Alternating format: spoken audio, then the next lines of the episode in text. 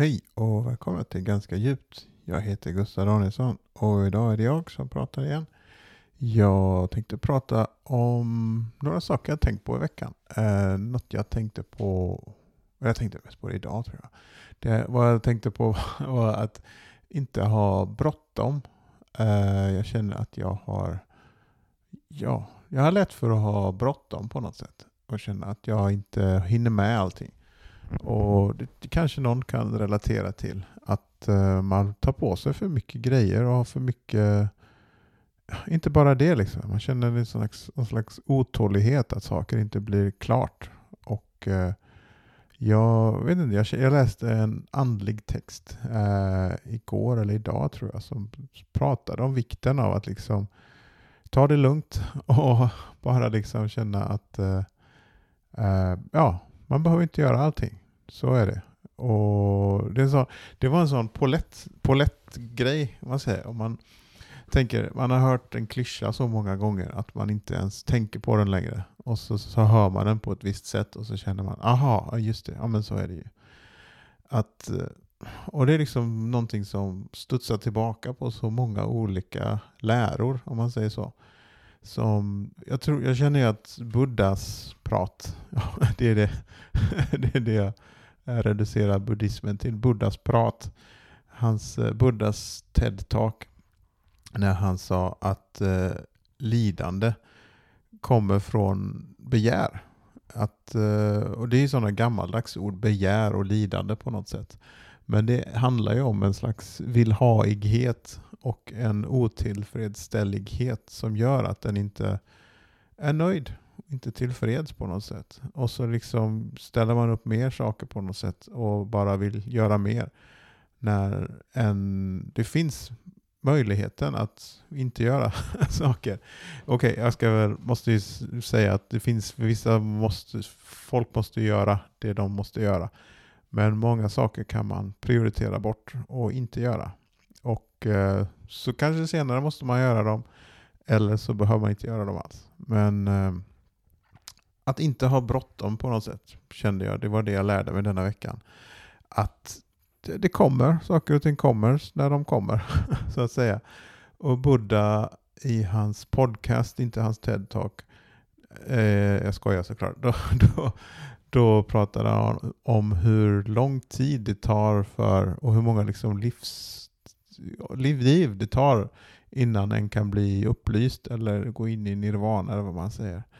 Och jag tror det är, det spelar i sig ingen roll hur många år det är, men om man, om man tänker en fågel som flyger över eh, Mount Everest med en slöja av silke och var tiotusende år flyger den över berget och liksom drar den här silkeslöjan över bergen. Så många år kommer det ta innan och liksom inkarnationer kommer det ta innan den blir helt upplyst. Så det är inte bråttom. Liksom. Vi har tid på något sätt. Och, ja, det, jag vet inte, det beror på vad man har för mål. Om man, om man har en deadline på fredag, då kan man inte vänta på den här frågan. Men för om Ja, vad vill jag säga? jo, för jag känner också att jag har liksom stressat på något sätt. Och det är en konstig grej att man stressar i sin andlighet. Att jag liksom tycker om att läsa väldigt mycket eh, texter om sådana här saker. Och gräva mig ner i det. Och, eh, men det är det jag läser texterna och är så intresserad. Men jag liksom, de, många gånger så fastnar de inte på något sätt. Oj, nu kommer massa sådana här gamla citat in i, i huvudet på något sätt. Eh, det, att det var någon lärare som pratade om att man kan bara säga saker på någons hjärta. Eh, bara man säger saker på någons hjärta för att det kommer inte in i hjärtat förrän hjärtat brister. Eh, eller när Gud öppnar det, eller när Gud lägger saker i hjärtat. Det var väldigt, nu känner jag slaktar de här citaten. Men eh, jag ska inte vara så hård mot mig själv heller. Jag mår bra i alla fall. Jag mådde bra av att komma på att jag ska slappna av, vila och inte ha så bråttom. Och oj, det var ett till citat. Äh, det var en till sån sägning, får man säga sägning? Uh, jag säger sägning i alla fall. Men det är en till sån härlig sägning från Jack Cornfield, en, en lärare som säger du kan plocka hur många blommor du vill men du kan inte stoppa våren. Att liksom, vissa saker kommer bara och våren är på väg nu tror jag. Och det tycker jag om. Um, och på onsdag ska jag ha stand-up. Det ska bli skoj. Jag ska vara på Ridå på Annapurna. Och eh, 31 ska jag också vara där också. Men jag måste boka lite stand-up gig för att jag tycker det är kul. Och jag har inte gjort det på någon vecka nu. Uh, jag vet inte, jag hade två gig på andra long comedy som var det var bra. Det var konstiga gig. jag vet inte. Det var liksom, jag fick börja båda kvällarna och det gick hyfsat okej. Okay. Jag liksom tycker inte jag gjorde dåligt men det blev liksom jag kände som kvällarna kom aldrig igång. Men jag vet inte vad det är för folk som går dit nu. Eh, den ena gången så ville de inte ha snuskigt material. Och andra gången så gick det bara bra för de komiker som hade snuskigt material. Men, ja, man kan ju inte veta. Men det är därför jag håller på med det, för att lära mig. Och eh, jag får väl känna av att jag inte ska ha bråttom där heller. Men eh, jag gör det för att det är kul och för att jag har fått goda vänner av att göra det. Och jag tycker ni borde komma och kolla på Open Mic Standup i Göteborg.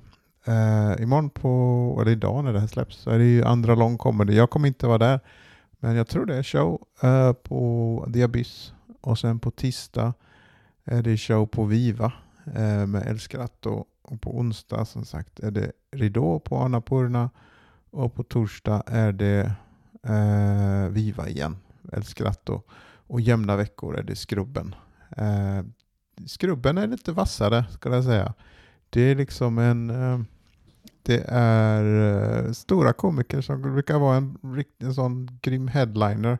Anna-Lisa, Anneli och Tina håller i det och de brukar ta det få dit riktigt bra komiker. Så det är en sån liten gem om man eh, känner till det. Var, var, jämn vecka på Krippas Café i Majorna. Så kolla in det.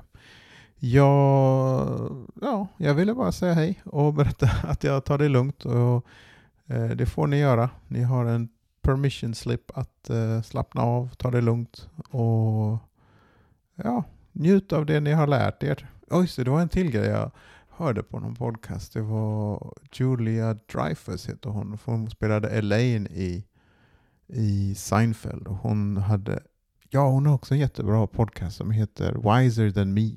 Som eh, hon intervjuar äldre kvinnor, visa kvinnor och eh, jag lyssnade på avsnitt med Fran Lebowitz och Julia Dreyfus. Det var väldigt underhållande. Men hon sa i en annan podcast i alla fall att när man har så mycket, ja det är, är en dum grej att avsluta på men, eh, inte, ja, men hon eh, sa i alla fall att hur mycket ångest man än har och hur jobbigt det än känns så kan man alltid vara tacksam att man kan andas luft. Liksom att det finns alltid luft att andas. Och gör det inte det, då är det jobbigt. Men, men oftast så kan man vara tacksam för att uh, luften finns. Uh, det gillade jag att höra.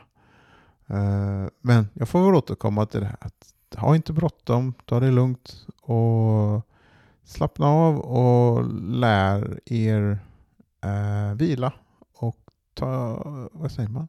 integrera de sakerna ni har lärt er i ja, det ni lär er.